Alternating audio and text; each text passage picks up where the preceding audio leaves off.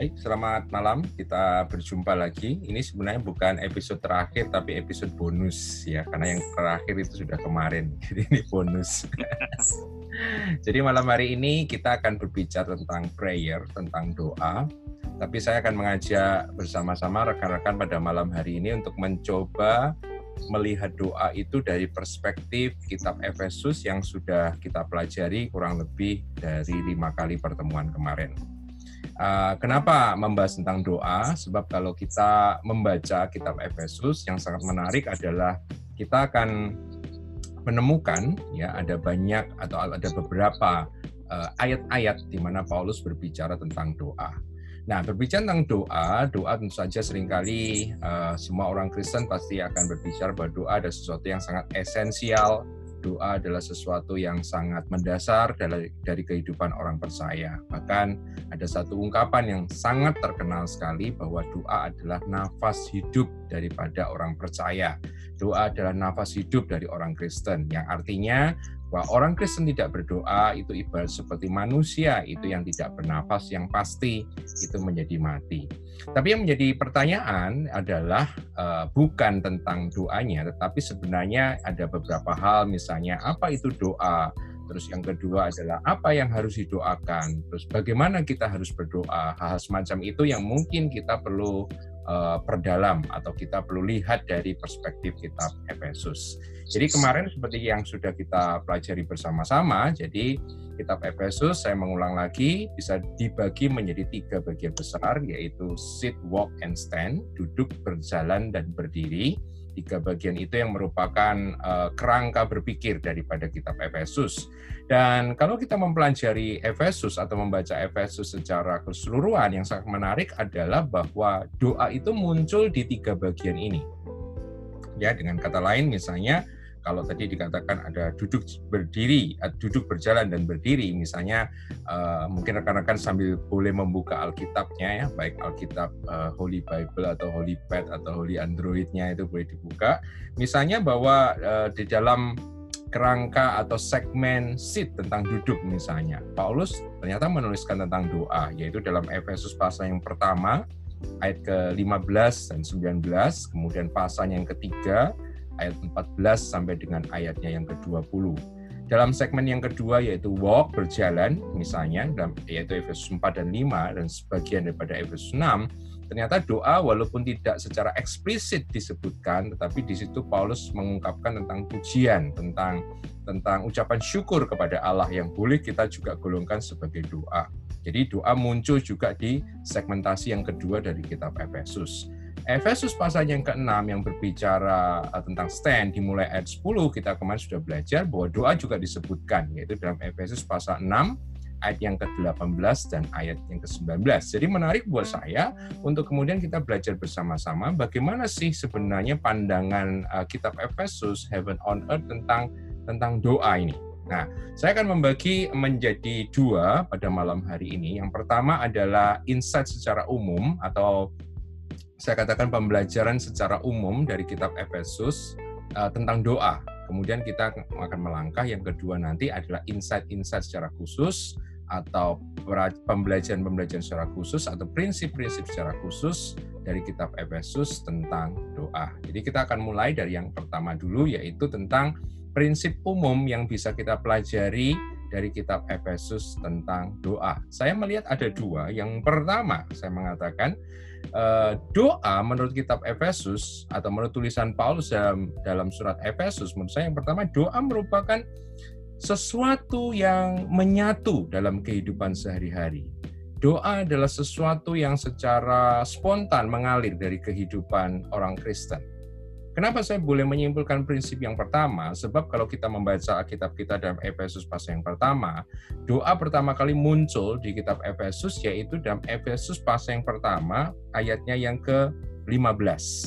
Nah, eh, kemudian nanti setelah Paulus berbicara hal yang lain, kemudian dia berbicara lagi tentang doa, kemudian dia menulis lagi dan dia berbicara tentang doa. Dengan kata lain saya mengatakan seakan-akan Paulus ini adalah memang saya sebut sebagai man of prayer.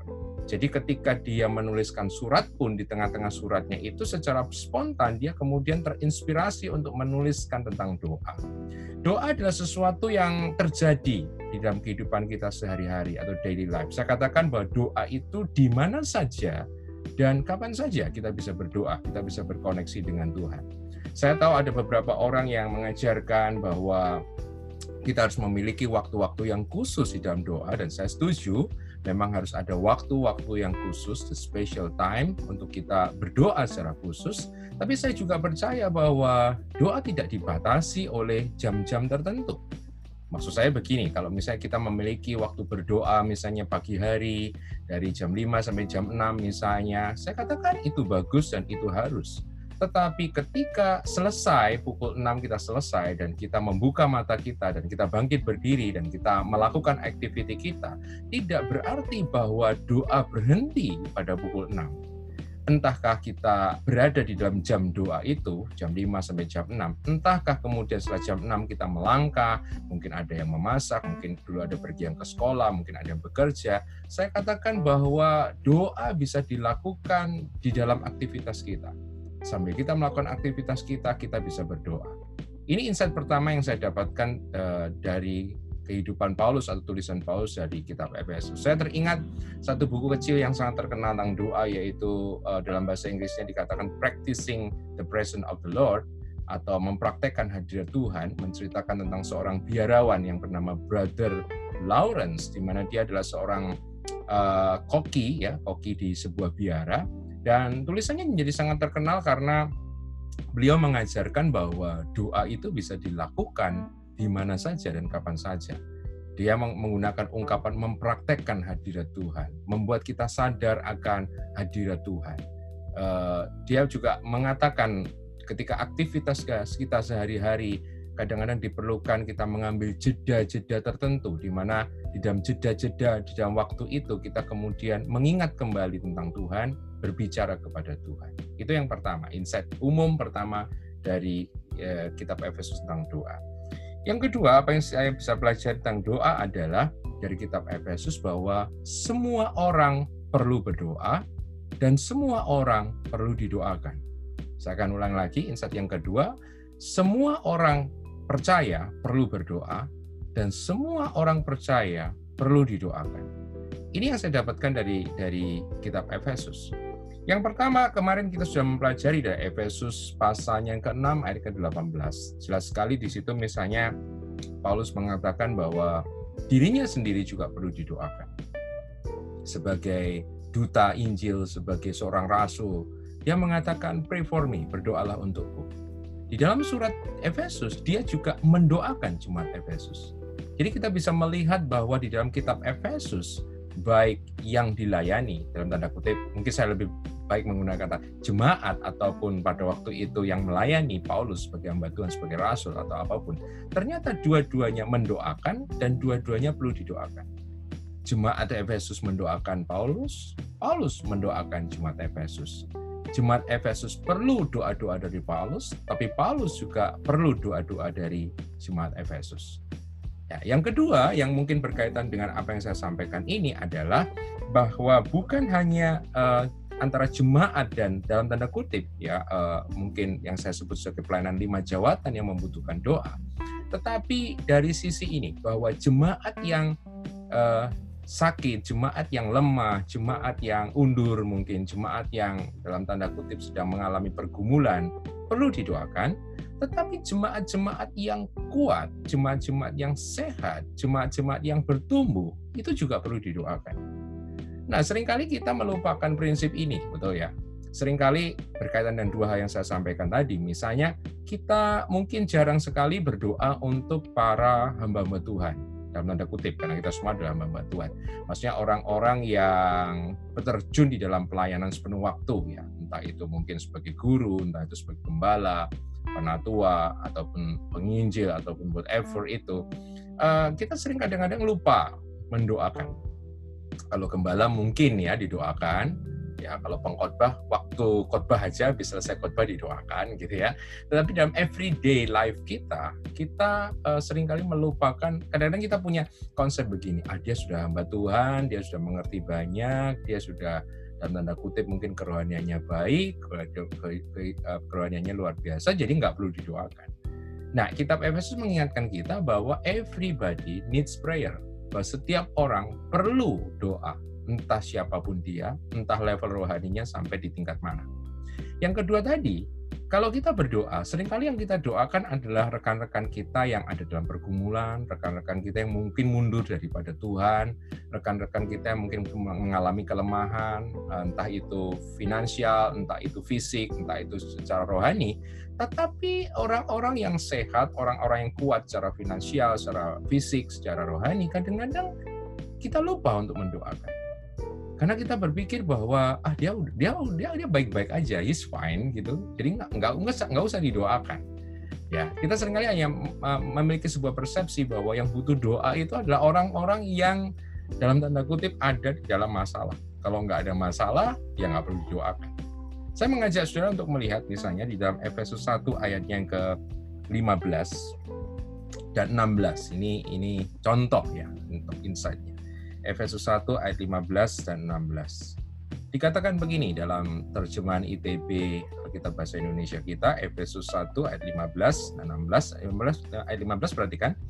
Karena itu setelah aku mendengar tentang imanmu di dalam Tuhan Yesus dan tentang kasihmu terhadap semua orang kudus uh, The Patient menerjemahkan bahkan menambahkan begini. Karena itu setelah aku mendengar tentang imanmu yang kuat di dalam Tuhan dan kasihmu kepada semua orang kudus. Artinya jemaat Efesus adalah jemaat yang bukan jemaat yang lemah, jemaat yang uh, apa itu secara rohani mungkin mengalami pergumulan, enggak. Mereka memiliki iman yang strong, iman yang kuat. Kasih mereka ada kasih yang kuat. Tapi yang menarik ayat 16 Paulus mengatakan, aku pun tidak berhenti mengucap syukur karena kamu dan aku selalu mengingat kamu di dalam doaku. Jadi perhatikan ini bahwa bukan hanya orang-orang yang lemah, orang-orang yang sakit, jemaat-jemaat yang eh, sakit atau lemah dalam pergumulan yang membutuhkan doa, tapi semua orang membutuhkan doa. Jadi prinsip umum yang kedua yang saya mau bagikan buat kita semua adalah everybody needs prayer. Everybody must uh, pray ya. Setiap orang perlu berdoa dan setiap orang uh, membutuhkan doa. Itu insight umumnya. Insight khususnya, Bapak Ibu rekan-rekan dikasih Tuhan, saya akan mencoba melihat dari tiga kerangka yang sudah kita pelajari bersama-sama, yaitu tentang sit, walk, and stand. Dan saya akan mencoba untuk mengajak kita untuk bisa melihat bagaimana uh, perspektif doa dilihat dari sit, walk, and stand di dalam bagian C dalam Efesus pasal yang pertama sama dengan pasal yang ketiga, doa disebutkan yang paling banyak ya. Doa disebutkan dalam bagian ini yang paling banyak. Ada dua uh, chapter atau dua bagian yang besar dalam Efesus. Bagian yang pertama ini tentang seed. Yang pertama adalah tadi yang kita sudah mulai yaitu Efesus pasal yang pertama ayatnya yang ke-15 sampai dengan ayatnya yang ke-19 dan bagian yang kedua adalah di dalam Efesus pasal yang ketiga ayat yang ke-14 dan 19 dan kita akan mempelajari uh, apa yang dimaksud doa ini. Jadi kalau kalau saya hubungkan tentang sit, walk, and stand dan doa muncul di tiga bagian ini, maka yang pertama insight khususnya bahwa doa adalah duduk bersama dengan Kristus doa adalah duduk bersama-sama dengan Kristus. Dan kemarin kita sudah belajar tentang duduk, apa artinya duduk. Duduk artinya adalah beristirahat, duduk artinya adalah selesai, ya. Kemudian yang kedua, duduk berbicara tentang identitas kita di dalam Kristus. Dan yang ketiga, doa berbicara, duduk berbicara tentang karya Allah yang sudah dilakukan di dalam hidup kita, karya Allah Trinitas yang sudah dikerjakan di dalam hidup kita, karya yang sudah selesai itu. Sehingga dari tiga pengertian, tiga, tiga poin tentang duduk itu, kalau tadi saya katakan bahwa doa adalah duduk bersama dengan Kristus, saya juga boleh mengatakan berarti doa adalah beristirahat di dalam Tuhan. Doa dalam pengertian ini saya katakan adalah mengucap syukur ya tentang semua yang sudah Tuhan kerjakan dalam hidup kita. Ya, karena doa juga ber, uh, duduk berbicara tentang karya yang sudah selesai berarti saya selalu mengatakan mari kita berdoa dari poin memang sudah selesai bahwa semua sudah diberikan bahwa semua sudah dikerjakan, semua sudah disediakan buat kita. Buat saya itu akan me, apa ya, membuat sebuah perubahan ya di dalam doa. Seringkali maafkan Bapak Ibu Saudara, uh, ada banyak orang Kristen yang berdoa itu maaf kata kadang-kadang seperti orang yang mengemis begitu. Maksudnya kepada Tuhan itu seakan-akan memohon dalam pengertian yang seakan-akan Tuhan itu enggan memberi. Tuhan itu enggak mau memberi dan kita harus berdoa sampai meraung-raung sampai mengeluarkan air mata. Saya katakan enggak salah berdoa mengeluarkan air mata. Tapi kalau kita belajar di Efesus bahwa duduk artinya bahwa semua sudah disediakan.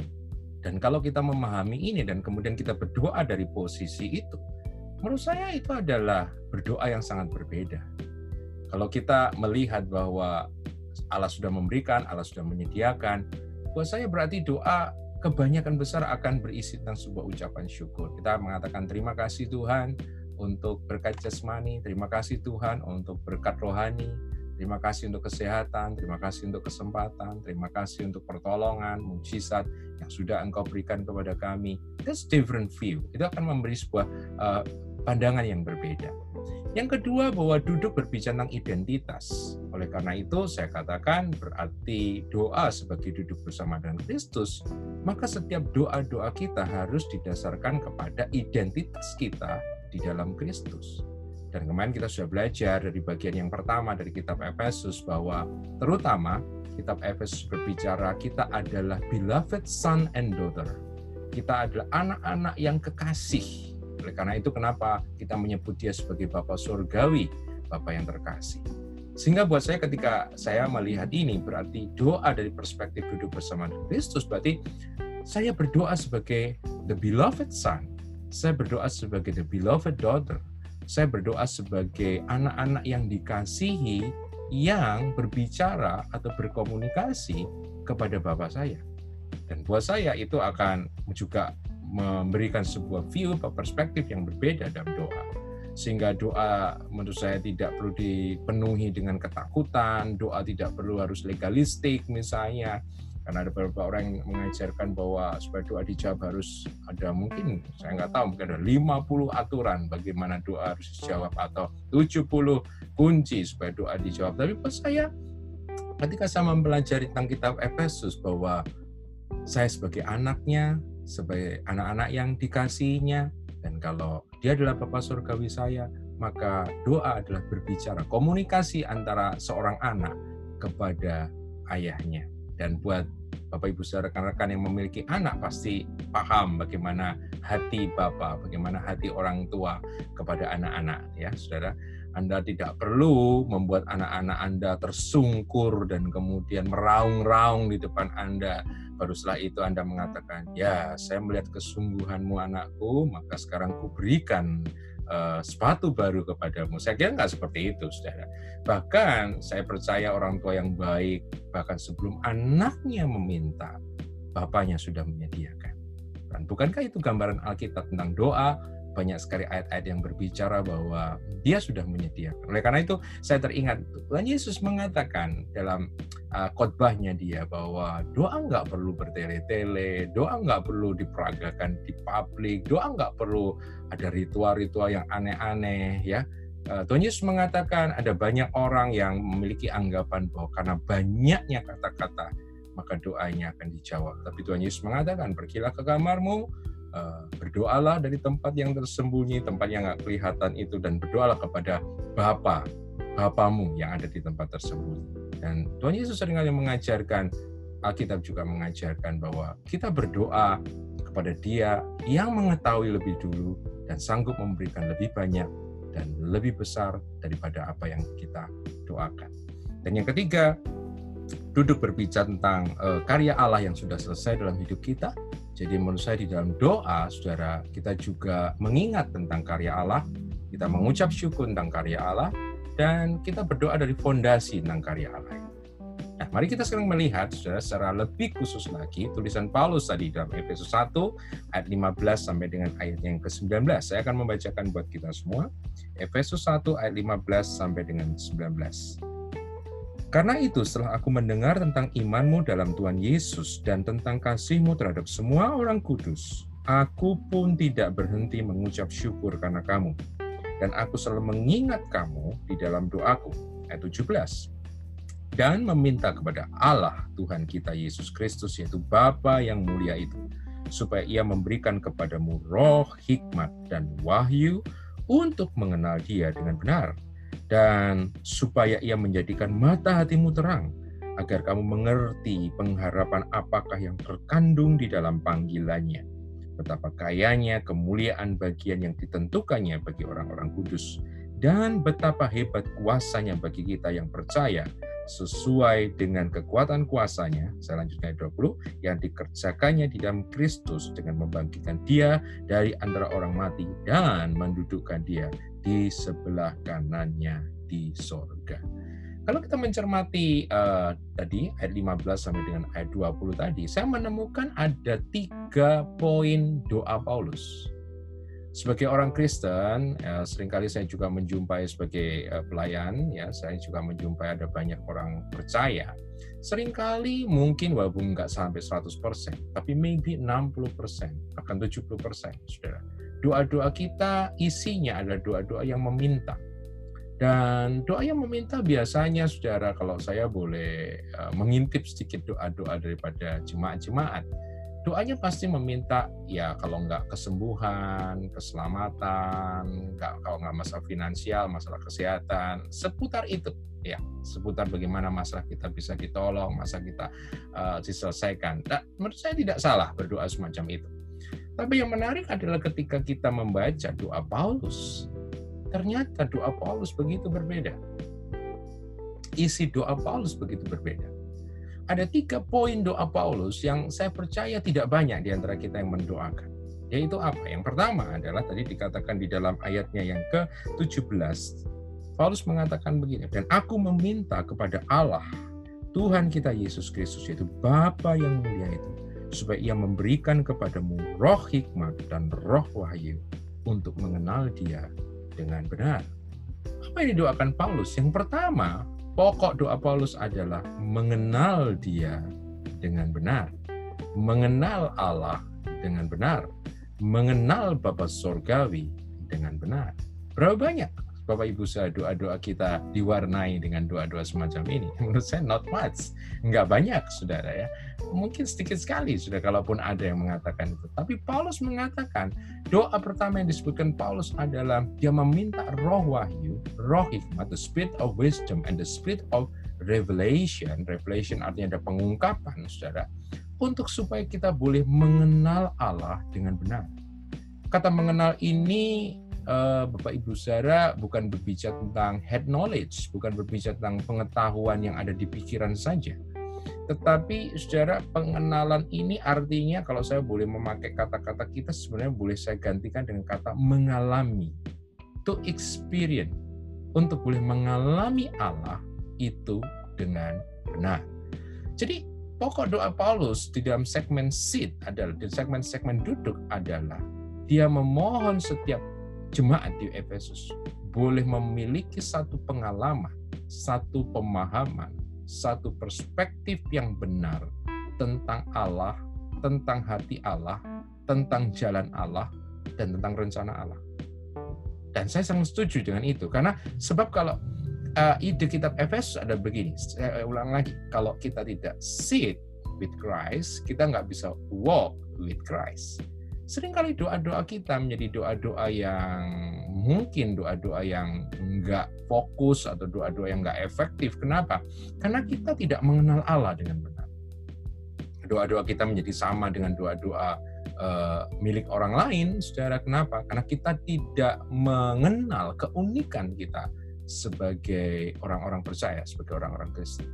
Jadi yang diminta Paulus yang pertama, saudara, adalah mendoakan agar setiap kita, saya percaya setiap kita, uh, oleh karena roh hikmat, roh wahyu, roh kudus itu, supaya kita terbuka mata rohani kita, mata iman kita, sehingga mengenal Allah dengan benar.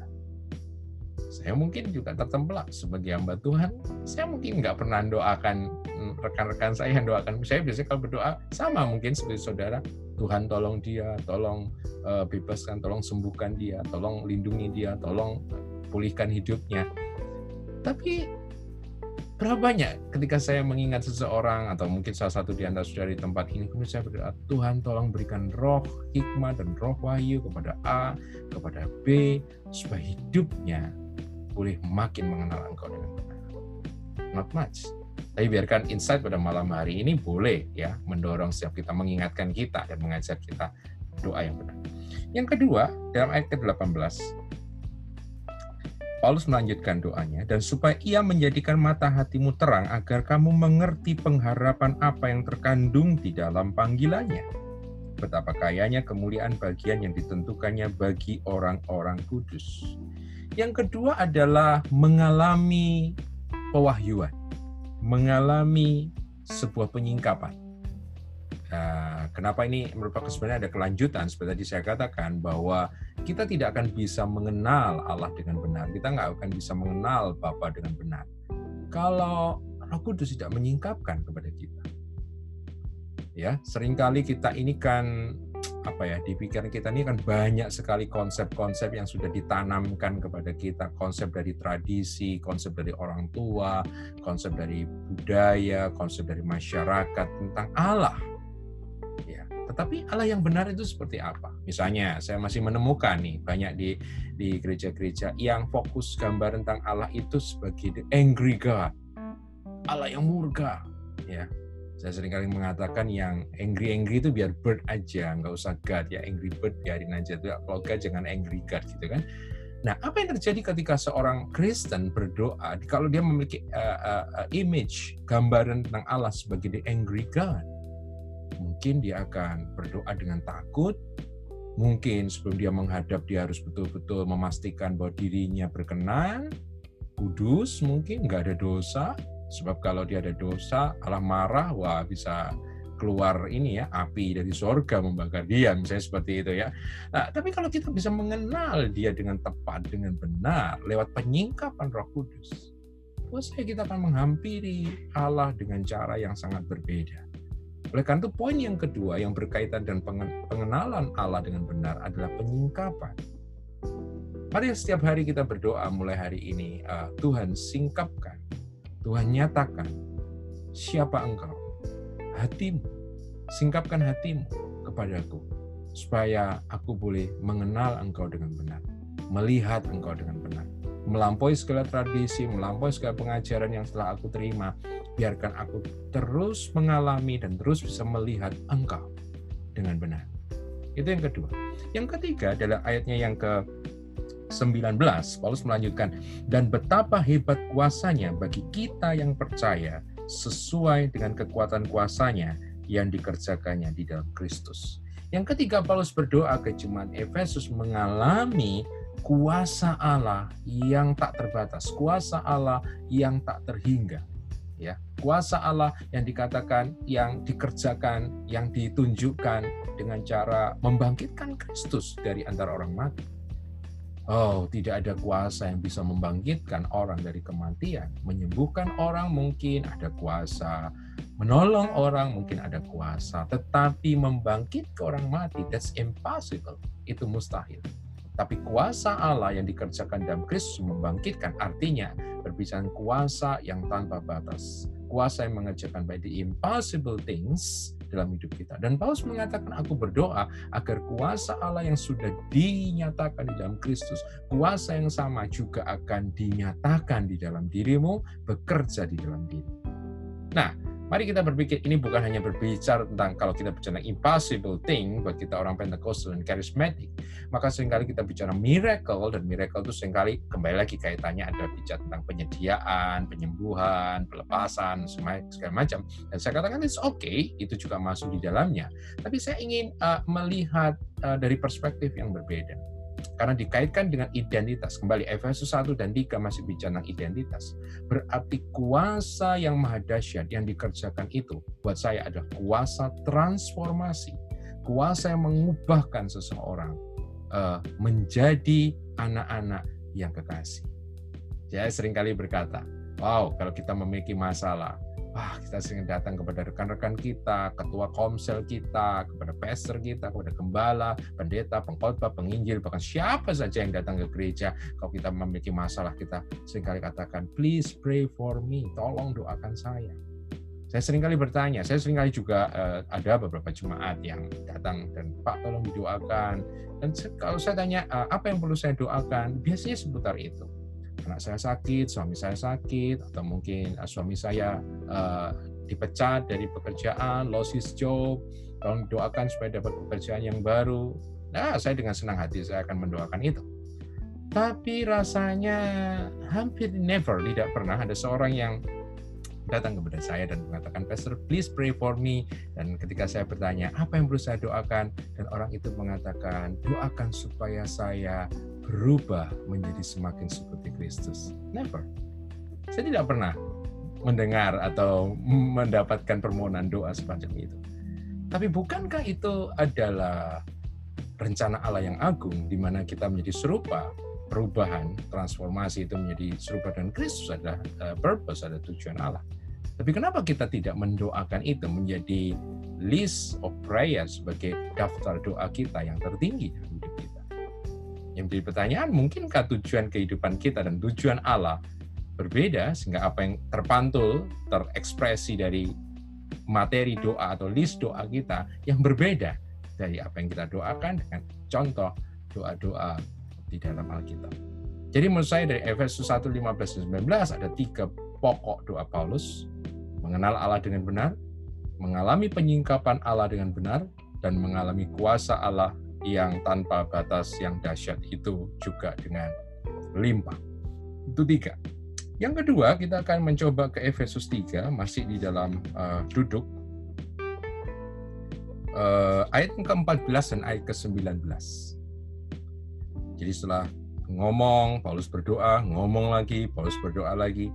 Ayat 14, saya akan membacakan lagi. 14 dikatakan, itulah sebabnya aku sujud kepada Bapa yang daripadanya semua turunan yang di dalam sorga dan di atas bumi menerima namanya. Aku berdoa supaya ia menurut kekayaan kemuliaannya menguatkan dan meneguhkan kamu oleh rohnya di dalam batin, batinmu, sehingga oleh imanmu Kristus diam di dalam hatimu dan kamu berakar serta berdasar di dalam kasih. Aku berdoa supaya kamu bersama-sama dengan segala orang kudus dapat memahami betapa lebarnya dan panjangnya dan tingginya dan dalamnya kasih Kristus dan dapat mengenal kasih itu sekalipun ia melampaui segala pengetahuan. Ada tiga hal yang saya mencoba untuk rumuskan. Mungkin saya suka menggunakan uh, bahasa Inggris ya supaya kelihatan bagus begitu. Eh, ketika saya membaca The Passion Translation, saya mendapatkan tiga hal ini. Yang pertama, apa yang didoakan Paulus? Sebenarnya doa Paulus cuma satu, tapi dari satu doa Paulus ini kemudian akibatnya ada dua yang muncul. Yang pertama, apa yang didoakan Paulus? Kita lihat dari ayat 14 Itulah sebabnya aku sujud kepada Bapa yang daripadanya semua turunan yang di dalam sorga dan di atas bumi menerima namanya. Perhatikan ayat 16, aku berdoa supaya ia menurut kekayaan kemuliaannya menguatkan dan meneguhkan kamu oleh rohnya di dalam batin. Yang pertama, saya menggunakan The Passion Translation. Keluarlah kata yang pertama adalah kata unveil unveiling. Unveil itu artinya menyingkapkan. Ini sama dengan kata mewahyu ya, pewahyuan, apokalipsis itu sama. Wahyu itu artinya adalah unveil. Wahyu itu artinya adalah menyingkapkan tirai, menyingkapkan cadar, menyingkapkan apa itu uh, sesuatu yang pertamanya tidak kelihatan karena tertutup oleh oleh oleh benda lain. Dan ketika benda atau kain itu kemudian di diambil maka benda yang tertutup oleh kain itu menjadi nampak. Itulah unveil itulah revelation to reveal itulah apokalipsis sebenarnya. Dan yang menarik dari Efesus tadi Efesus 1 kita sudah membaca bahwa Paulus mendoakan yang pertama adalah mengenal Allah dengan benar dan kemudian supaya uh, kita mengalami penyingkapan tentang Allah ya mengalami revelation mengalami kewahyuan tentang Allah. Dan di Efesus pasalnya yang keempat tadi kita uh, Efesus pasal yang ketiga tadi kita mendapatkan kembali. Yang pertama adalah unveiling. Unveiling. Saya akan mencoba membaca di dalam uh, the Passion Translation dalam Efesus 3 ayatnya yang ke-14 sampai dengan ayatnya yang ke-16 demikian. So I kneel humbly in awe before the Father of our Lord Jesus, the Messiah, the perfect Father of every father and child in heaven and on earth. Kemudian ayat 16, and I pray that He will unveil within you the unlimited riches of His glory and favor until supernatural strength flood your innermost being with his divine might and explosive power. Menarik, ayat 16. And I pray, aku berdoa, that he, supaya dia Allah, will unveil within you. Unveil within you. Paulus berdoa supaya Allah menyingkapkan, mewahyukan, membukakan di dalam diri kita tentang kekayaan kemuliaannya.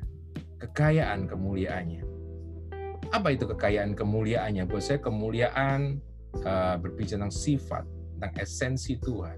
Semua yang ada pada Tuhan. Jadi ketika Paulus berdoa agar kita mengalami penyingkapan tentang kekayaan kemuliaan, yang dimaksudkan Paulus sama dengan yang dalam Efesus 1 supaya kita bisa melihat nature, sifat tentang siapa Bapak itu yang demikian limpah, demikian dahsyat, demikian luar biasa. Itu boleh tersingkap dalam diri kita. Unveil. Unveil. Setelah ketika saya mempersiapkan ini tadi, saya saya merasakan wow. Ya, kita nggak pernah mendoakan ini. Dan saya uh, mendorong setiap kita, mulai malam hari mari kita berdoa. Menjadi pokok doa kita. Tuhan biarkan engkau menyingkapkan, you unveil within me Engkau menyingkapkan di dalam hatiku siapa engkau, apa yang engkau miliki, sifatmu, kuasamu, hatimu kepadaku. Unveil. Dan yang kedua, saudara, dan ini sebenarnya bukan doa Paulus, tapi akibat dari doa unveil tadi. Yang kedua, keluarlah kata, uh, kalau dalam The Passion Translation dikatakan begini, ayat yang ke-17, Then by constantly using your faith, the life of Christ will be released the life of Christ will be released deep inside you. Setelah unveiling, menurut saya ada releasing. Releasing, what releasing? Apa yang dilepaskan, apa yang dikeluarkan. Dikatakan the life of Christ. Hidup Kristus yang ada di dalam diri kita, itu boleh dilepaskan.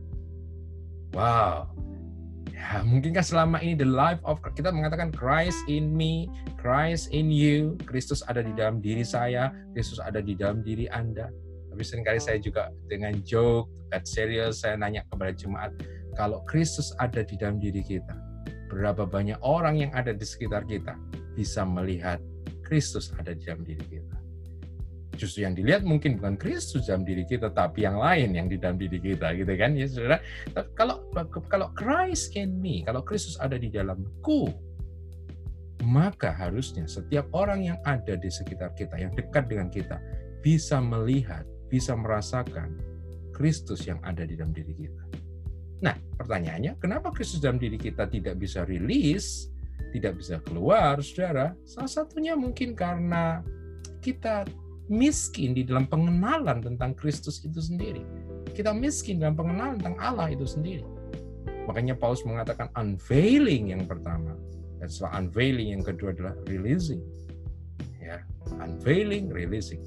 Dan yang ketiga setelah unveiling, releasing, yang ketiga adalah ayat yang ke-18 dan 19 saya membaca dalam The Passion Translation dikatakan then you will be empowered you will be empowered to discover what every Holy One experience. Ada apa, saudara? Yang ketiga adalah empowering. Ada unveiling, ada releasing, ada empowering. Setelah kita bisa mengalami penyingkapan, maka Kristus yang ada dalam diri kita akan dilepaskan. Dan karena Kristus yang ada dalam diri kita dilepaskan, maka kita akan mengalami dan menerima kuasa yang daripada Tuhan. Wow, that's great. Menurut saya ini luar biasa, saudara. Bukankah itu yang kita idam-idamkan semua sebagai orang-orang percaya? Mengalami kepenuhan Kristus, menjadi sama seperti Kristus. Dan ternyata dalam surat eh, Efesus ini Paulus menyingkapkan kepada kita bagaimana rahasia untuk mengalami itu, saudara. Dan yang terakhir yang masih bagian daripada ini, Bapak Ibu saudara diperhatikan, Paulus berbicara apa? Yang terakhir di Efesus 3, dia bicara tentang love, dia bicara tentang kasih. Dan masih ingat ketika kita berbicara tentang walk, a walk in Christ is walk in love. Berjalan bersama Kristus ada berjalan di dalam kasih. Ya, karena itu kenapa Paulus sudah di dalam doanya fokusnya dia juga adalah supaya kita boleh memahami kasih. Saya akan membaca dalam bahasa Indonesia, masa itu sudah sangat bagus sekali. Saya akan mengulangi lagi dalam bahasa Indonesia dikatakan uh, Aku berdoa ayat 18, aku berdoa supaya kamu bersama-sama dengan segala orang kudus dapat memahami. Saya ganti kata memahami dengan mengalami karena karena yang dimaksud dengan paham di sini bukan tahu tapi experience. Mengalami apa Saudara? betapa lebarnya, panjangnya, tingginya, dan dalamnya kasih Kristus. Oh, for dimension of love, ya. Dan kemudian ayat yang 19, dan dapat mengenal, dapat memahami, dapat mengalami kasih itu. Sekalipun kasih itu melampaui segala pengetahuan yang ada. Hmm, saya merenungkan begini Bapak Ibu saudara Mungkinkah kita ini menjadi miskin rohani karena selama ini kita tidak mengalami, tidak berjalan di dalam kasih Tuhan yang luar biasa itu. Kasih Tuhan empat dimensi, four dimension of the love of Christ. Oh, makanya sering kali sudah hari-hari ini Kenapa? Kenapa tahun kemarin Tuhan membawa saya dalam kitab Efesus? Karena karena saya merasa bahwa ada satu kata yang ditekankan Tuhan di dalam hati saya adalah kata love. If you know love, you know me. If you walk in love, you walk in me. Tuhan berkata kalau kamu mengenal kasih itu, kamu akan mengenal siapa aku. Kalau engkau berjalan di dalam kasih itu, engkau berjalan di dalam aku. Sudah kita sering kali sudah terbelenggu dengan banyak hal, bicara tentang Efesus tentang kemarahan, kemalasan, kepahitan, sudah ada banyak hal. Why? Disunity, ketidaksatuan. Kenapa?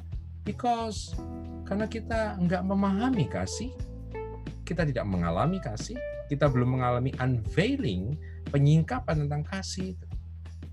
Sehingga Efesus buat saya, saya akan tutup dengan konklusi ini, mengalami Allah adalah mengalami kasih berjalan di dalam Allah adalah berjalan di dalam kasih. Dan harusnya itu menjadi pokok doa kita juga. Itulah doa sebagai duduk di dalam Kristus. Yang kedua, doa sebagai berjalan bersama dengan Kristus. Kita tahu di dalam Efesus pasalnya yang keempat itu dimulai. Itu saudara, Efesus pasal yang keempat adalah Paulus berbicara tentang hmm, biarlah hidupmu berpadanan dengan panggilanmu. Dan saya sudah mengatakan bahwa hidup di sini ada kata walk yang artinya berjalan. Sehingga dengan cepat saya mengatakan apa insight doa adalah berjalan bersama dengan Kristus? Terutama dalam Efesus kita membaca dalam Efesus 5 ayat 19-20 tadi sudah saya mengatakan bahwa dalam bagian ini memang uh, tidak disebutkan tentang doa begitu secara eksplisit dikatakan doa begitu. Tapi dalam Efesus 5 ayat 1920 eh, dikatakan kemarin kita sudah mempelajari ini sudah membaca ini. Sekali lagi saya mengundang kita untuk membaca ini. Efesus 5 eh, ayat 19 dan 20 dikatakan dan berkata-kata seorang kepada yang lain di dalam Mazmur hidung pujian dan nyanyian rohani. Bernyanyi dan bersoraklah bagi Tuhan dengan segenap hati. Ucapkan syukur senantiasa atas segala sesuatu di dalam nama Tuhan kita Yesus Kristus kepada Allah dan Bapa kita. Ya itu itu yang dikatakan oleh Paulus apa yang bisa kita pelajari doa sebagai berjalan bersama dengan Kristus? Yang pertama adalah berjalan artinya adalah sesuatu yang dilakukan secara terus-menerus. Betul, sudah? Kalau sudah dikatakan Anda berjalan, Anda melakukan step secara kontinu, step by step, langkah demi langkah secara kontinu, secara berkesinambungan. Sehingga buat saya ketika dikatakan doa berjalan bersama Kristus, artinya Doa adalah sesuatu yang dilakukan step by step.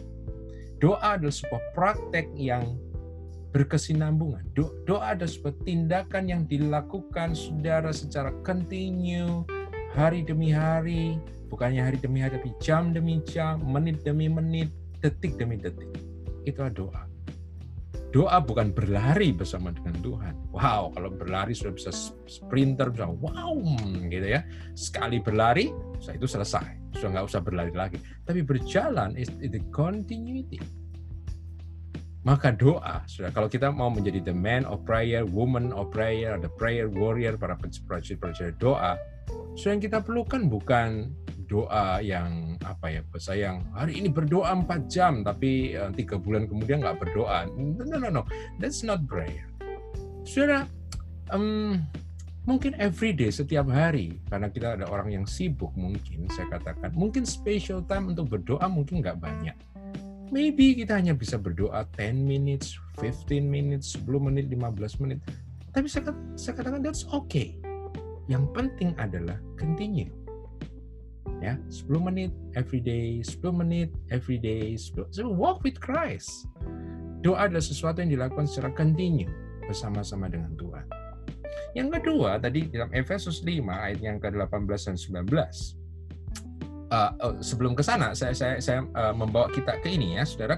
Tadi saya katakan continue karena Paulus sendiri juga mengatakan yang sama. Saya teringat ini sebelum kita ke ke ke, ke Efesus 5 Efesus 1 ayat 17 tadi saudara uh, ayat ke-16 dalam bahasa Indonesia kita dikatakan begini, Efesus 1 ayat 16. Dan aku pun tidak berhenti. Never stop. Tidak pernah berhenti. Berarti apa? Terus menerus. Aku tidak pernah berhenti mengucap syukur karena kamu. Dan aku apa? Selalu mengingat kamu di dalam doaku. Wow continue. Seringkali kita menjadi orang Kristen yang kembang api. Nah, saya nggak tahu orang Malaysia ngerti nggak kembang api, saudara ya. Uh, menyala, meledak, dan kemudian hilang. kita harus menjadi orang yang belajar secara continue, day by day, daily, ya kan, saudara nggak perlu kadang-kadang bombastis. Memang kehidupan kita tuh nggak bombastis. Yang bombastis itu jarang-jarang banget gitu kan. Yang ada itu apa? Continuity, ya kan? Daily rutin gitu. Ya karena membosankan memang kan sudah. But that's life. Itu kehidupan.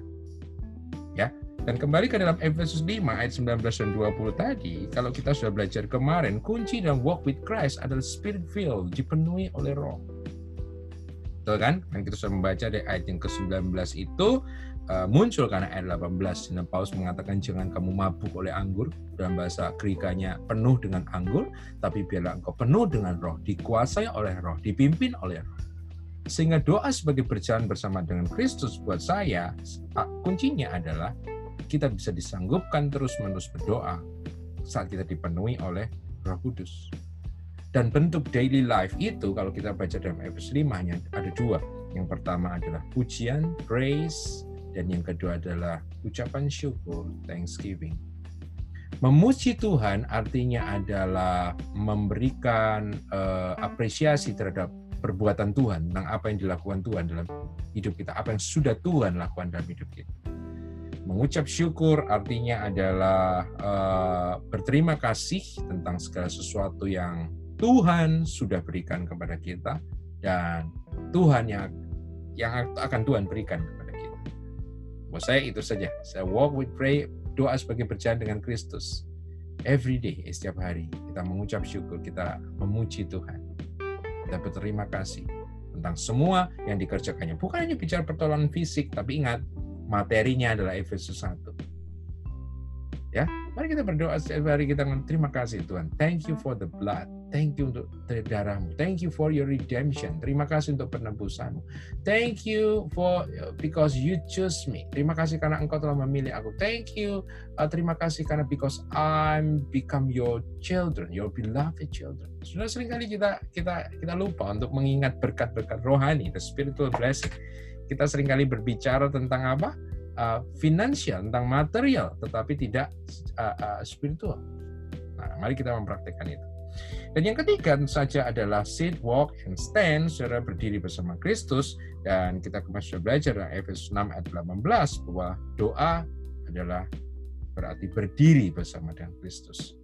Doa adalah berdiri bersama dengan Kristus. Ayatnya adalah Efesus 6 ayat yang ke-18. Dikatakan, Uh, dalam bahasa Indonesia kita menarik, saudara, karena mungkin lanjutan dari ayat 17. Dan terimalah ketopeng keselamatan dan pedang roh, yaitu firman Allah, rema Allah, dalam segala doa dan permohonan, berdoalah setiap waktu di dalam roh dan berjaga-jagalah di dalam doamu itu dengan permohonan yang tak putus-putusnya untuk segala orang kudus dan juga untuk aku supaya kepadaku jika aku membuka mulutku dikaruniakan perkataan yang benar. Ada tiga poin yang saya ingin garis bawahi dari Efesus 6 yaitu yang pertama doa sebagai stand with Christ bahwa doa adalah peperangan rohani.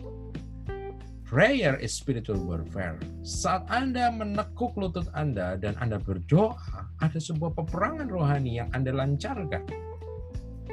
Walaupun itu Anda tidak melakukan doa peperangan rohani, Anda Anda tidak nengking setan, Anda tidak sebut-sebut setan, mungkin hanya sebuah ucapan syukur, saudara, mungkin adalah terima kasih, terutama ada konteks Efesus 6 18 adalah the intercession prayer, doa untuk orang lain.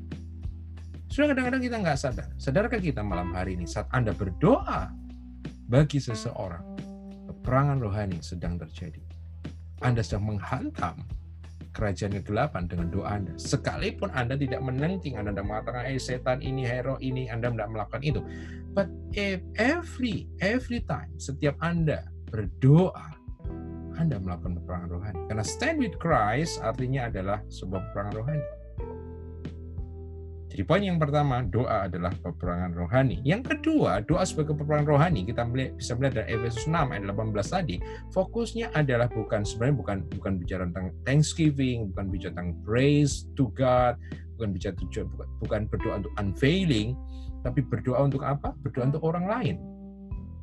Betul kan? Ayat yang ke eh, berapa tadi? Ayat yang ke 18 dikatakan berdoalah setiap waktu di dalam roh dan berjaga-jaga di dalam doamu dengan permohonan yang tak putus-putusnya untuk segala orang kudus. Kembali lagi tekanannya, tak putus-putusnya untuk segala orang kudus. Ini disebut sebagai doa syafaat.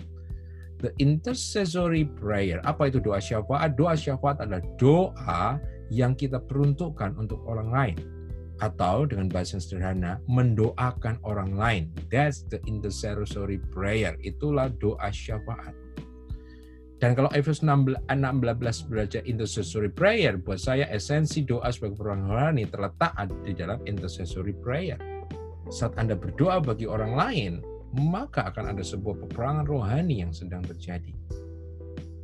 Terus saudara, dan hmm, poin yang ketiga tadi dikatakan saudara bahwa uh, Paulus mengatakan ayat 12 dalam segala doa, dalam segala doa dan permohonan. Perhatikan nih, segala doa dan permohonan. Jadi bentuk doa itu macam-macam. Doa jenis doa itu macam-macam dan Paulus katakan gunakan semuanya itu. Tadi kita sudah belajar apa sepanjang tadi? Tadi ada doa pujian, ada doa pengucapan syukur, ada doa syafaat, betul saudara ya? Ada doa, ada masih banyak lagi. Dan Paulus katakan gunakan semuanya itu semua yang Tuhan sudah beri kepada kita. Gunakan semuanya itu. Ya. Berdoalah setiap waktu dalam setiap kairos dalam kesempatan-kesempatan di dalam roh in the spirit. Kembali lagi sudah diulangi lagi idenya bahwa doa hanya hanya hanya akan doa yang efektif, doa yang seperti ini akan hanya bisa dilakukan saat Roh Kudus itu memenuhi hidup kita. Menguasai hidup kita. Uh, saat kita in the love, saat kita ada di dalam kasih Tuhan, kita baru bisa disanggupkan berdoa seperti ini. Banyak orang mengatakan, apa sih Pak berdoa in the spirit itu gimana sih Roh Kudus, Roh Kudus memenuhi saya itu gimana sih? Saya baru menemukan ini, saudara, satu korelasi antara spirit and love. Buat saya, Roh Kudus itu sebenarnya adalah eh, ekspresi personal dari kasih Allah. Pray in the spirit and pray in the God's love. Berdoa di dalam roh adalah berdoa di dalam kasih Allah dipimpin oleh Roh Kudus artinya dipimpin oleh Roh Allah, dipenuhi oleh Roh Kudus artinya dipenuhi oleh Roh Allah. Hanya saat hati kita dipenuhi, dilimpahi, dibanjiri apa itu saudara katakan overwhelming with the God's love. Baru saat itu Anda bisa mendoakan orang lain. Saya ingat ada buku kecil yang dikarang oleh seorang prajurit doa mbak Tuhan yang bernama Dick Itzman. Yang menulis buku kecilnya itu adalah Love on his knee. Dia mendoakan, mendefinisikan doa adalah kasih yang bertumpu di atas lutut. Saat Anda mengasihi orang lain, Anda akan berdoa untuk orang tersebut. Dan doa syafaat Anda bagi orang itu adalah ekspresi kasih Anda bagi orang tersebut. Ya, saudara.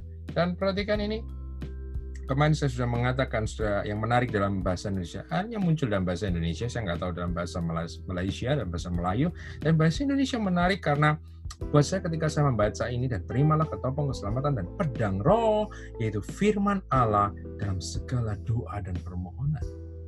Saya kemarin sudah mengatakan bahwa sangat menarik karena dalam terjemahan bahasa Indonesia menghubungkan antara rema dengan doa saya mengatakan kemarin, mungkinkah doa-doa kita tidak bergairah, tidak passionate, tidak menyala, karena kita tidak menerima rema Tuhan, karena kita tidak menerima rema Roh Kudus, kita tidak menerima janji Tuhan yang spesifik yang diberikan Roh Kudus kepada kita dalam situasi-situasi yang kita hadapi ya. The Passion Translation menggunakan kata passionate, sudah bergairah. Saya senang karena itu disebut sebagai the Passion, the Passion Translation ya. Uh, saya akan coba membaca dalam Efesus 6 ayat 18 dengan pray passionately, pray passionately. Saudara, berdoalah dengan penuh gairah in the spirit di dalam roh. Dan itu hanya dimungkinkan saat apa? Saat Anda memiliki rema, dan ingat, sudah, Anda hanya akan bisa mendapatkan rema kalau Anda mempelajari logos. Inilah hubungan saudara yang sangat erat antara doa dengan firman. Orang yang full of the word, orang yang penuh dengan firman, dia akan menjadi orang yang berdoa. Itu itu uh, korelasi yang paling logis, ya. Sebab uh, menarik, saya akan menyimpang uh, sedikit, saudara. Efesus dan Kolose yang disebut sebagai twin letters, yang menarik, Efesus berbicara tentang filled with spirit. Kolose berbicara tentang filled by the word. Efesus berbicara tentang penuh dengan roh, Kolose berbicara tentang penuh dengan firman. Jadi roh dan firman ada dua hal yang nggak bisa dipisahkan. Anda nggak bisa penuh dengan roh tapi nggak penuh dengan firman, atau Anda nggak bisa penuh dengan firman tapi tidak penuh dengan roh. Kalau kalau itu yang terjadi, saya katakan mungkin roh yang memenuhimu bukan roh kudus dan firman yang kamu terima, bukan bukan firman yang benar, saudara. Karena, karena pemahamannya benar, saudara. Filled by the word is filled by the spirit. Dan saat kita menerima logos, keluarlah rema. Dan ketika Roh Kudus menghidupkan janji itu, maka itu akan menjadi energi bagi kita untuk terus berdoa dengan bergairah bagi orang lain. That's prayer. Jadi Ephesian prayer, doa Efesus, saya boleh simpulkan menjadi tiga, sesuai dengan kerangka kitab Efesus. Berdoa adalah duduk bersama Kristus, berdoa adalah berjalan bersama Kristus, dan berdoa adalah berdiri bersama dengan Kristus. Selamat berdoa, Tuhan memberkati. Saya kembalikan kepada Pastor Perry. Ya, shalom semua. Terima kasih Kak Gunawan, sangat jelas dan sangat baik Nah, buat teman-teman mungkin ada yang ada pertanyaan daripada apa yang kita pelajari tentang doa pada malam hari ini, bagaimana kita hidup ya di dalam doa yaitu hidup bersama Kristus, yang kedua bagaimana kita hidup berdoa berjalan bersama Kristus. Dan yang ketiga bagaimana kita hidup uh, berdoa dengan berdiri bersama Kristus. Ya. Ini sangat baik. Dari daripada sini mungkin ada teman-teman yang malam hari ini tiba-tiba terbuka. Ya ada inspirasi baru buat Anda. Yang selama ini Anda tidak lihat ataupun mungkin ada yang punya pertanyaan pada malam hari ini saya buka ruang buat pertanyaan buat Anda. Mungkin ada hal-hal yang belum jelas tentang doa, mungkin ada yang mau bertanya. Ini adalah kesempatan buat Anda. Ya di edisi bonus pada malam hari ini. Ada? buat teman-teman kalau ada pertanyaan Anda bisa unmute, unmute dan kemudian Anda bisa bertanya kita buka ruang untuk uh, bertanya pada malam hari ini. Ada yang mau bertanya silakan kepada teman-teman. Anda bisa unmute kalau ada pertanyaan atau kalau malu mau bertanya Anda bisa uh, type di ruang chat. Dia ada ruang chat ya.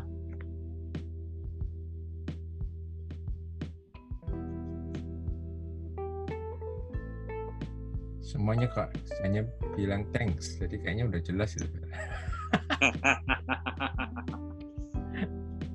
uh, saya ada satu pertanyaan pastor. Sil ya. ya silakan silakan bro Rudi. Ya, saya ya. Oke saya ada satu pertanyaan. Bagaimana kita berdoa secara benar, apakah kita berdoa sambil mengangkat tangan ataupun men, uh, menutup tangan contohnya macam ini. Oke? Okay?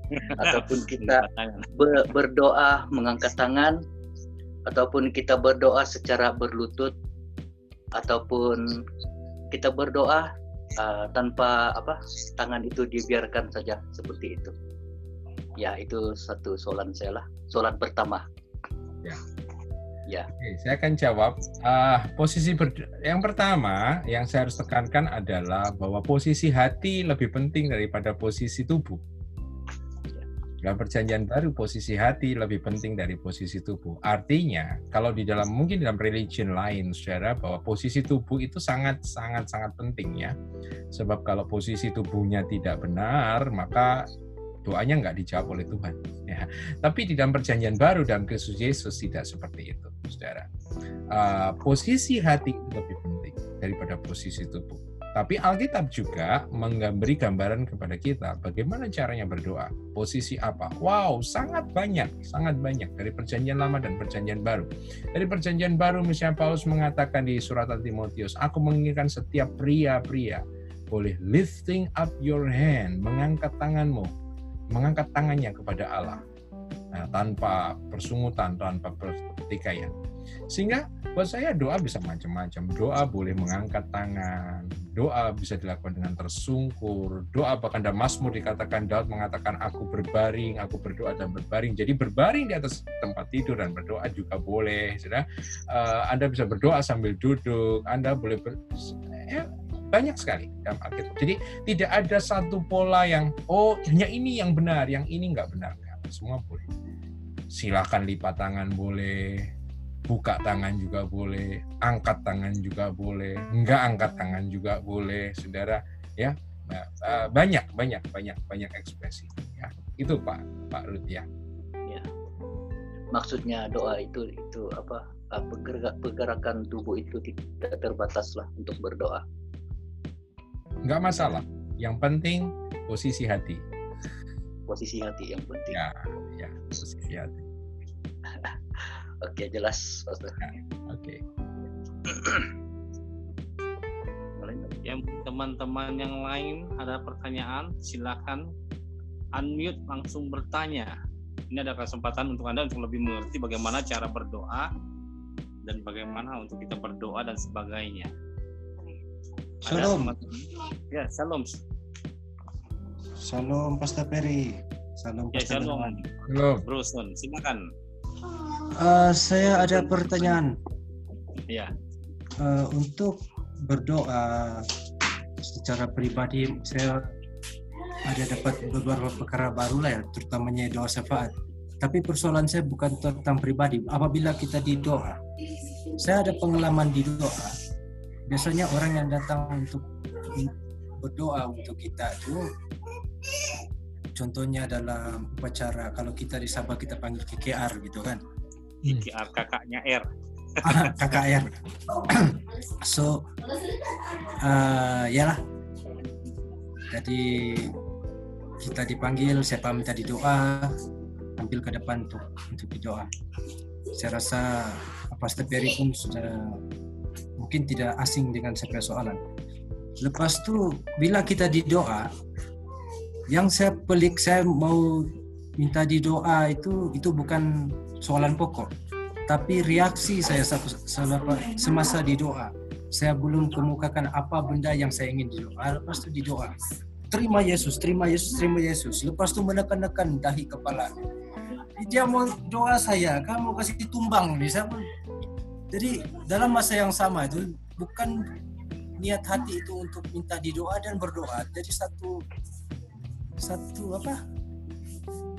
It's confusing. mau didoakan, mau ditumbang. Itu saya kadang-kadang bingung. Jadi jadi adakah itu satu yang mungkin kalau saya rasa rasa yang kebingungan saya itu adalah itu satu rasa yang orang cakap mengingkari kah? Atau macam tidak berpuas hati kah? Saya coba coba terima tapi saya tidak boleh orang bilang tidak boleh cooperate dengan benda-benda macam itu itu saya punya persoalan pasti Ya, ya. Ya, memang kalau di KKR atau apa itu TCR dan KKR itu memang kan uh, orang yang maju itu sesuai dengan panggilan mimbar ya, alter call yang disampaikan. Dan biasanya memang kalau dalam KKR itu tujuannya kan mendoakan supaya orang mengalami satu kebangunan rohani ya sebenarnya ya. Mengalami uh, penyegaran lah, penyegaran rohani dengan pengalaman yang sekali harus ya diadukan banyak orang padahal nggak harus sumbang kan jadi ya memang kalau dalam KKR itu memang bagaimana ya saya juga nggak bisa nyalain ya yang KKR ya. Oleh karena itu buat saya saya lebih senang di uh, kalau doa itu masalah mendoakan dan didoakan itu saya lebih suka di dalam eh, komunitas-komunitas uh, kecil small group di dalam gereja. Karena kalau kita ada di dalam small group, dalam kelompok kecil yang ada di dalam gereja, kita itu bisa terbuka satu sama lain, kita bisa menyampaikan kebutuhan doa kita. Dan di satu sisi kalau kita mendoakan, kita bisa mendoakan juga dengan tepat gitu ya, sesuai dengan apa yang dibutuhkan. Kalau dalam KKR memang agak sulit. Coba bayangkan kalau misalnya ada 50 orang saja yang maju dan kalau pastornya harus me, me, apa itu bercakap-cakap satu-satu Anda perlu didoakan apa? Kenapa Anda begini? Wah itu bisa pulang jam satu pagi itu bisa KKR-nya ya. Nanti dimarahi Pastor Perry itu ya kan gitu ya. Jadi memang kalau hmm, KKR itu memang buat saya doanya doa khusus ya. Kalau nggak biasanya kesembuhan healings uh, untuk mengalami jamahan Roh Kudus atau need a miracles buat saya sekitar sekitar tiga ini. Tapi kalau kita membutuhkan misalnya satu doa yang spesifik, doa yang uh, lebih mendalam, doa yang ya mungkin perlu kita ngobrol dulu, ngomong dulu, saya berdoakan ini. Buat saya pray, prayer in the small group itu ada sesuatu yang sangat bagus yang harus dihidupkan kembali dalam gereja-gereja lokal gitu ya, itu jawaban saya apakah menjawabi ya bro gimana?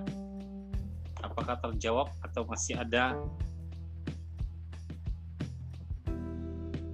Ya pasti jelas jelas. Sangat jelas ya. Ya. Oke. Ya teman yang lain? Ada soalan-soalan tambahan agak jelas ya rasanya malam nih. Sangat jelas ya, tapi ya agak jelas ya. Uh, saya ada satu ada, ada soalan lagi Pastor. Ya silakan Bro Rudi. Uh, sebab kebelakangan ini saya apa ini uh, kelewatan selalu kelewatan jadi hari ini banyak soalan sedikit. Hmm. Boleh ya? Silakan. Silakan. ya, ya bagi sama satu soalan saya waktu kita berdoa apakah kita berdosa ataupun doa itu terbatal sepenuhnya jika ada kemerahan di dalam hidup kita. Sekali lagi ya, waktu kita berdoa, okay, apakah kita berdosa ataupun doa itu terbatal sepenuhnya jika ada kemarahan di dalam hidup kita? Ya, itu soalan saya Pastor. Oke. Okay. Nah, ini menarik. Salah satu yang yang selalu saya muncul ya di di pergumulan-pergumulan kita sehari-hari masalah tentang doa, dosa dan jawaban doa. Wah, itu jadi khotbah yang bagus tuh. Doa, dosa dan jawaban doa. nah, mari kita kembali ke dalam uh, apa yang saya katakan di Efesus tadi yaitu tentang sit, walk and stand. Dan kalau kita berbicara sit, walk and stand, sebenarnya dari awal saya sudah menekankan tentang kitab Efesus adalah bahwa hmm, posisi kita datang kepada Tuhan itu tidak ditentukan tentang eh, apa itu tergantung pada kudusnya kita, sucinya kita. Tidak, kita, kita tidak ngomong tentang walk, kita bicara tentang sit lebih dulu. Efesus sudah sit dan sit bicara tentang identitas, sit bicara tentang apa yang Allah kerjakan dalam hidup kita. Sehingga ketika itu ditarik dalam kehidupan doa, Buat saya, doa terjawab atau tidak terjawab tidak ditentukan tentang apakah saya kudus, apakah saya tidak berdosa, apakah saya murni sepenuhnya tidak berdosa. Buat saya bukan itu. Doa saya didengar oleh Bapa bukan bukan masalah tergantung kepada kekudusan saya atau kesucian saya. Sebab kalau jawaban doa dan terdengarnya doa kita oleh Allah itu ditentukan oleh kekudusan kita, saya rasa tidak ada di antara kita malam hari ini yang di Zoom meeting ini yang tidak berdosa, bukan? Kita pasti memiliki ada kedosaan dalam hidup kita, keberdosaan dalam diri kita. Sehingga kalau didasarkan kepada ketidakberdosaan dalam hidup kita, saya rasa maka semua doa kita tidak akan terjawab oleh Tuhan. Jadi dari kitab Efesus hanya mengatakan bahwa doa didengar dan doa dijawab itu karena karya Kristus yang ada dalam diri kita. Kita dilayakan, kita diampuni, dan Kristuslah yang menyanggupkan doa kita dijawab. Kristuslah yang menyanggupkan bahwa uh, jawaban doa itu bisa kita terima. Bukan berarti kemudian, nah ini kan, bukan berarti kemudian bahwa kita bisa bertindak uh, seenaknya dalam pengertian ya udah nggak apa-apa kan doa saya terjawab jadi nggak apa-apa marah-marah aja no no no bukan itu jadi uh, masalah tidak marah itu jangan dihubungkan dengan doa menurut saya. Karena kekudusan kita itu keluar karena identitas kita. Jadi buat saya, saya tidak marah bukan karena saya takut doa saya tidak tidak dijawab, tapi saya tidak boleh ada dalam kehidupan kemarahan. Kenapa? Karena saya adalah anak-anak kekasih Tuhan dan saya ingin Kristus hidup di dalam saya dan terekspresi dalam hidup saya. Oleh karena itu saya tidak bisa tinggal dalam kemarahan karena dalam Kristus tidak ada kemarahan. Maka kalau saya tinggal dalam Kristus, maka saya tidak saya tidak akan tinggal dalam kemarahan. Jadi jawaban singkat saya pertanyaan Pak Rudi adalah apakah itu membatalkan doa, apakah itu membuat Allah tidak menjawab doa? Saya katakan enggak. Karena buat saya jawaban doa adalah anugerah, jawaban doa adalah kemurahan Bapa dalam hidup kita. Jadi menurut saya itu tidak membatalkan atau itu tidak menghalang doa kita datang kepada Tuhan. That's it. itu itu jawaban saya. Oke jelas.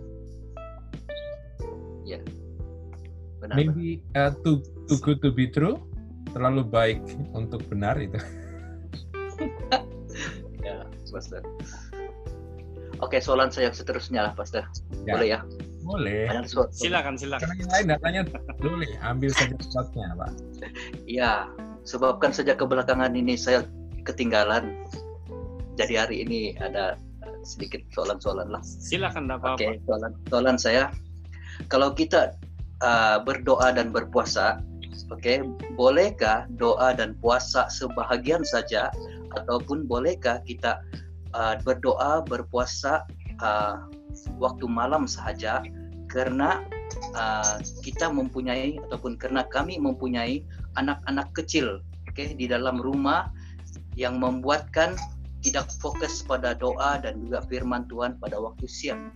Jadi bolehkah kita berpuasa ataupun bolehkah kita uh, puasa sebahagian saja pada waktu malam ataupun uh, berpuasa separuh saja? Karena oh, maksudnya karena ya karena kami mempunyai anak-anak kecil di dalam rumah, jadi membuatkan kami tidak fokus untuk berdoa dan juga apa merenungkan firman Tuhan pada waktu siang. Jadi sekali lagi, jadi sekali uh, apakah kami harus berpuasa sebagian saja ataupun berpuasa pada waktu malam saja? Ya itu soalan saya.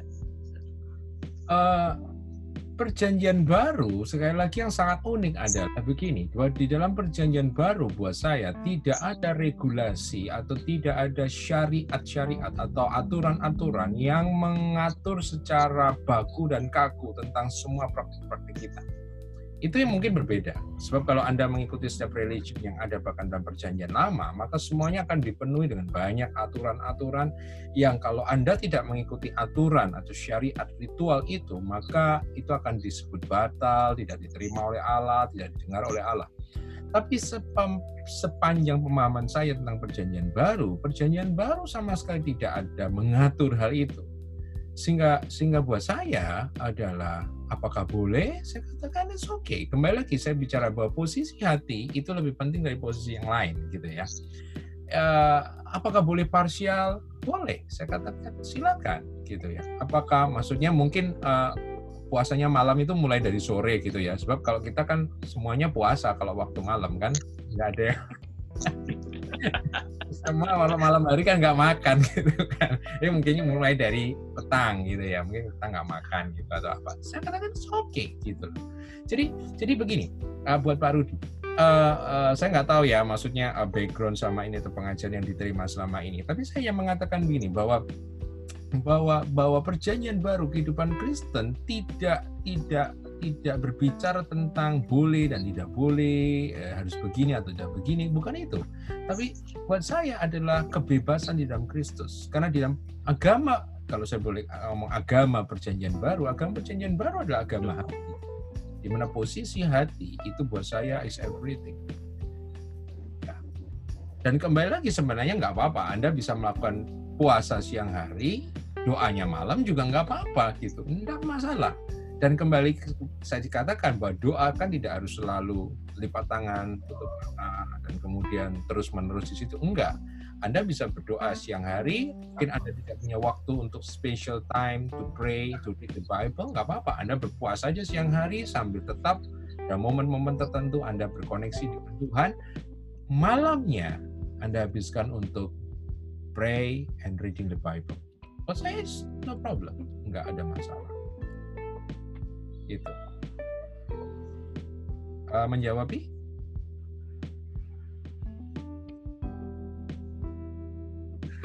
Jadi intinya ya, boleh.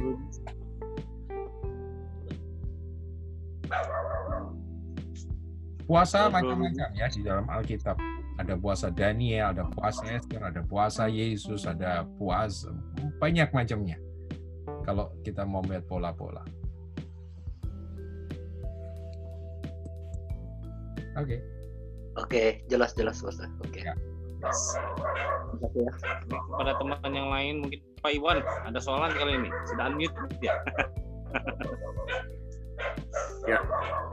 Saya mau tanya ke Pak Gun mengenai Efesus 3 ayat 19. Silakan Pak Iwan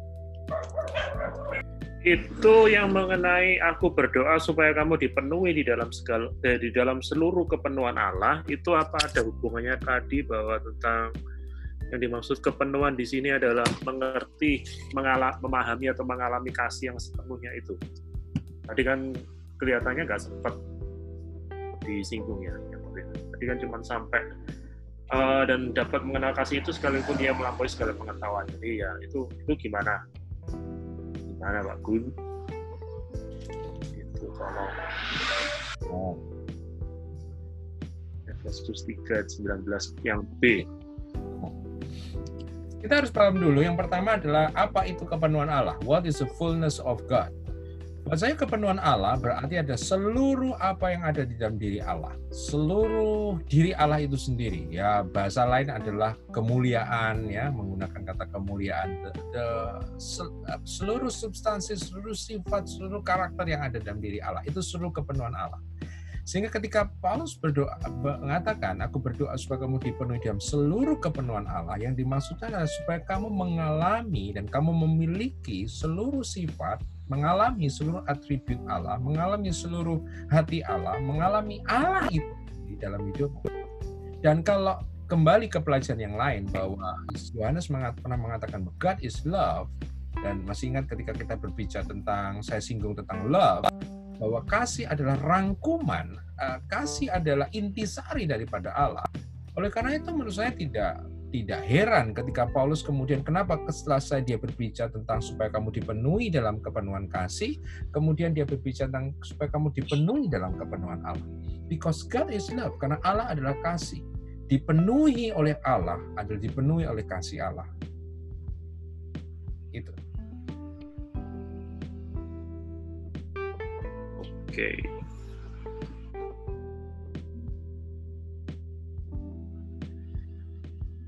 Ya. Oke.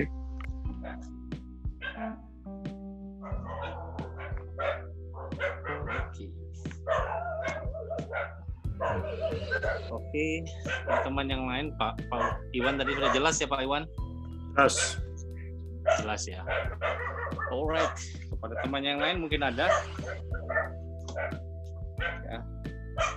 ini dipenuhi. Nah, kalau tidak ada mungkin saya tambah sedikit. Tahu sama ada ini pertanyaan atau tambahan daripada apa yang sudah disampaikan oleh Pastor Gunawan tadi. Ya, nah di sini saya sangat setuju ya apa yang dikatakan yang terakhir tadi tentang rema dan logos itu perlu ada ya di dalam kehidupan kita ya tanpa rema tanpa logos bagaimana kita mau berdoa nah ini lebih kurang sama dengan dipenuhi kalau menurut saya ya tanpa ada firman Tuhan di dalam hidup kita ya mungkin kita berdoa menurut apa yang kita mau saja tetapi ketika ada firman Tuhan pasti yang disampaikan apa yang ada di dalam firman itu dan digerakkan oleh Roh Kudus ya ini um, menurut pandangan saya. Menurut pandangan saya tidak tahu kalau uh, daripada teman-teman yang lain ya. Sebab sangat penting ketika berdoa ya berdoa itu perlu ada ucapan-ucapan daripada firman. Ya ketika firman itu ada, mungkin itu lebih efektif. Ya doa kita lebih efektif karena ketika ada firman itu ketika Roh Kudus bekerja, doa kita itu juga pastinya keluar daripada perkataan firman itu uh, sendiri ataupun kita mengucapkan janji-janji Tuhan, kita mengucapkan uh, apa otoritas yang sudah Tuhan berikan itu pasti keluar daripada kehidupan kita ketika kita berdoa. Itulah sebabnya sangat penting adanya rema dan logos itu di dalam kehidupan kita. Ini tambahan saya sedikit yang ingin saya sampaikan. Oleh oleh itu kalau saya melihat uh, seperti yang di, dikatakan tadi ya aku berdoa supaya kamu dipenuhi di dalam seluruh kepenuhan Allah. Itu kan bagaimana kepenuhan Allah itu ketika firman itu sendiri ada di dalam hidup kita maka kita akan dipenuhi dengan perkataan-perkataan Allah itu sendiri. Maka itu yang menjadi bahan-bahan doa kita kemungkinan ya. Ini yang saya ingin sampaikan mungkin uh, apa bisa dijelaskan lagi oleh uh, Pastor Gunawan? Apakah seperti itu atau saya mempunyai pandangan yang silap di sini Enggak, saya setuju dengan yang dikatakan Pastor Perry tentang ini. Benar, bahwa ya salah satu, tadi kan saya men, uh, menyatakan esensinya ya, jadi karena God is love, dipenuhi dengan Allah adalah dipenuhi oleh kasih. Tapi Allah sendiri dengan firman-Nya saja nggak bisa dipisahkan kan, God in His, in His word is one, oleh karena itu mengalami kepenuhan Allah adalah mengalami kepenuhan rohnya, mengalami kepenuhan rohnya adalah mengalami kepenuhan uh, firman-Nya sehingga kecat kita dipenuhi oleh kasihnya, oleh rohnya, dan dipenuhi oleh firmannya, di situ kita dipenuhi oleh Allah itu sendiri. Ada seorang hamba Tuhan yang mengatakan bahwa doa bisa dijelaskan, dipahamkan dengan pengertian begini. Mengucapkan kembali setiap perkataan Allah itu kembali kepada Allah. Jadi mengucapkan kembali setiap perkataan Allah itu kepada Allah itu kembali. Uh, dengan kata lain, sebenarnya doa adalah mengembalikan firman Allah itu kepada Allah, mengucapkan firman yang berasal dari Allah itu kembali kepada Allah. That's prayer. Itulah itu itulah doa menurut saya. Jadi saya saya setuju sekali dengan yang dikatakan oleh oleh Pastor Perry tadi. Ya, terima kasih. Ya, oke. Okay. Ya, teman-teman yang lain mungkin ada pertanyaan atau tidak ada? Kalau tidak ada kita akan tutup saya kasih kesempatan. Atau ada last minute tiba-tiba oh ada soalan. Ya. Selepas ini kita akan berehat bersama Pastor Gunawan buat sementara. Sehingga ada ilham berikutnya yang muncul. Ya. ya. Karena minggu depan kita akan dilayani oleh Pastor Yuli Suprianto. Ya. Dia akan berbicara tentang Roh Kudus. Ya. Oke, ada teman-teman yang lain yang punya pertanyaan terakhir tentang doa mungkin masih ada. Pastor bagaimana cara untuk berdoa yang benar sudah disampaikan ya. Mungkin ada pertanyaan yang tiba-tiba timbul atau muncul daripada hati untuk ditanyakan tentang doa ini. Sebab sangat penting karena kita harus mengerti cara yang berdoa yang benar itu seperti apa ya kadangkala kita berdoa ya asal disebut saja gitu ya.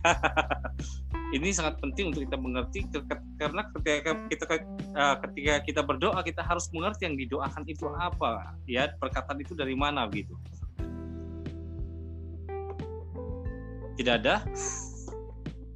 Ya kalau tidak ada eh, kita akan akhiri Nah, kelas KPK kita pada malam hari ini sekali lagi saya mengucapkan terima kasih kepada Pastor Gunawan yang sudah memberikan waktunya untuk uh, sharing ya daripada kitab Efesus. Banyak hal yang kita belajar selama enam minggu ya saya rasa. Enam minggu ya. Daripada kitab Efesus bagaimana kita harus duduk di dalam Tuhan ya. Kemudian bagaimana kita berjalan. Bahkan bagaimana kita harus berdiri. Hari ini kita belajar bagaimana berdoa dengan tiga cara ini yaitu bagaimana kita berdoa dengan duduk di dalam hadirat Tuhan. Yang kedua bagaimana kita berdoa berjalan bersama Tuhan. Yang ketiga bagaimana kita berdoa yaitu uh, stand yaitu berdiri. Di mana ada peperangan rohani ada doa siapa berbagai uh, ada pelbagai jenis doa. Itu kadang-kadang banyak juga teman-teman katakan doa itu ada macam mana ya? Doa kan kadang-kala kita lihat ada doa syafaat. Nah hari ini kita mengerti kenapa doa-doa ini penting. Dia ada posisi-posisi tersendiri ya karena doa ini sangat penting bahkan ada doa pribadi ada doa untuk orang lain Paulus juga mengajar kita untuk saling mendoakan didoakan dan mendoakan begitu ya Nah ini sangat penting buat pelajaran bagi kita uh, pada malam hari ini di edisi bonus. ya, semoga sangat memberkati. Terima kasih buat teman-teman yang sudah memberikan waktunya untuk bersama-sama kita belajar. Ya, ini sangat penting buat kita dan nanti kalau ada lagi uh, untuk yang berikutnya kita akan infokan kepada teman-teman. Ya, Terima kasih kepada semua yang sudah memberikan waktunya, memberikan masanya untuk sama-sama kita belajar. Jadi kita akan bertemu lagi ya di hari yang akan kita umumkan jika ada kelas lagi. Tapi minggu depan memang kita ada kelas bersama Pastor Yuli Suprianto. Jika teman-teman ingin bergabung silakan ya. Sebab Pastor Yuli akan berbicara uh, tentang Roh Kudus dan apa peranan Roh Kudus. Ini karena sangat penting kita harus tahu. Banyak orang pasti ada pertanyaan, ya apakah pekerjaan Roh Kudus itu? Kita kan harus mengenal Dia. Ketika kita mengenal Dia, itu lebih lebih mudah untuk kita bekerja sama. Tak, tak kenal maka tak cinta. Ya, ini sangat penting saudara-saudara.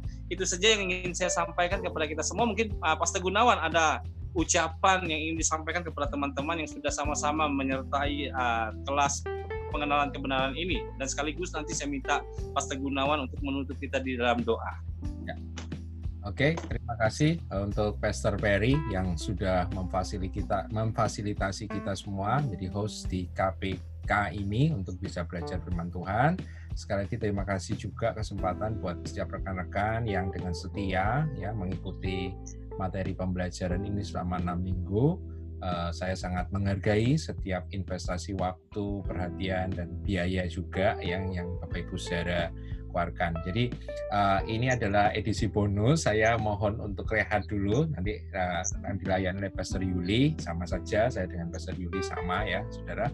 Karena uh, uh, saya akan berfokus kepada setiap Senin. Jadi akan ada tiga uh, tiga Senin kemarin kita sudah mulai setiap Senin kita akan ada yang disebut sebagai Young Empowering Community uh, Christian Community. Jadi selama tiap Senin selama tiga ke depan kita akan berbicara isu-isu penting tentang hal-hal yang terjadi di Pentakosta dan karismatik. Jadi saya mengharapkan kalau rekan-rekan di sini ada waktu, ada masa, boleh bergabung dengan kita setiap hari Senin jam 7 waktu Indonesia, berarti jam 8 waktu Malaysia. Dan kemudian nanti setiap hari Selasa, kemudian nanti juga akan ada uh, kelas Reading Bible Story, Bible Naratif, tapi saya akan uh, join bersama-sama dengan Pastor Doni Tatimo yang akan mengajar tentang Bible Naratif, Reading Bible Story. Mungkin ada beberapa Bible yang sudah melihat di di YouTube channel saya tentang Reading Bible Story dan kebetulan kami diminta untuk mengajar itu kepada satu kelompok dan satu kelompok ini kemudian membuka open meeting buat siapa saja yang bersedia untuk join. Jadi saya juga mengundang saya rekan-rekan selain Kamis nanti juga bisa bergabung di hari Selasa. Uh, selanjutnya flyer nanti akan saya akan kasih ke Pastor Perry nanti dan Pastor Perry yang akan memberikan kepada kita semua dan nanti uh, mungkin nggak perlu nunggu sampai ruang ini selesai nanti kalau saya sudah waktunya udah bisa lagi I will come back. Saya akan datang kembali dengan materi yang materi yang lain ya. Saya kembali uh, mengucapkan terima kasih untuk kesediaan dan kerelaan Bapak Ibu untuk belajar bersama-sama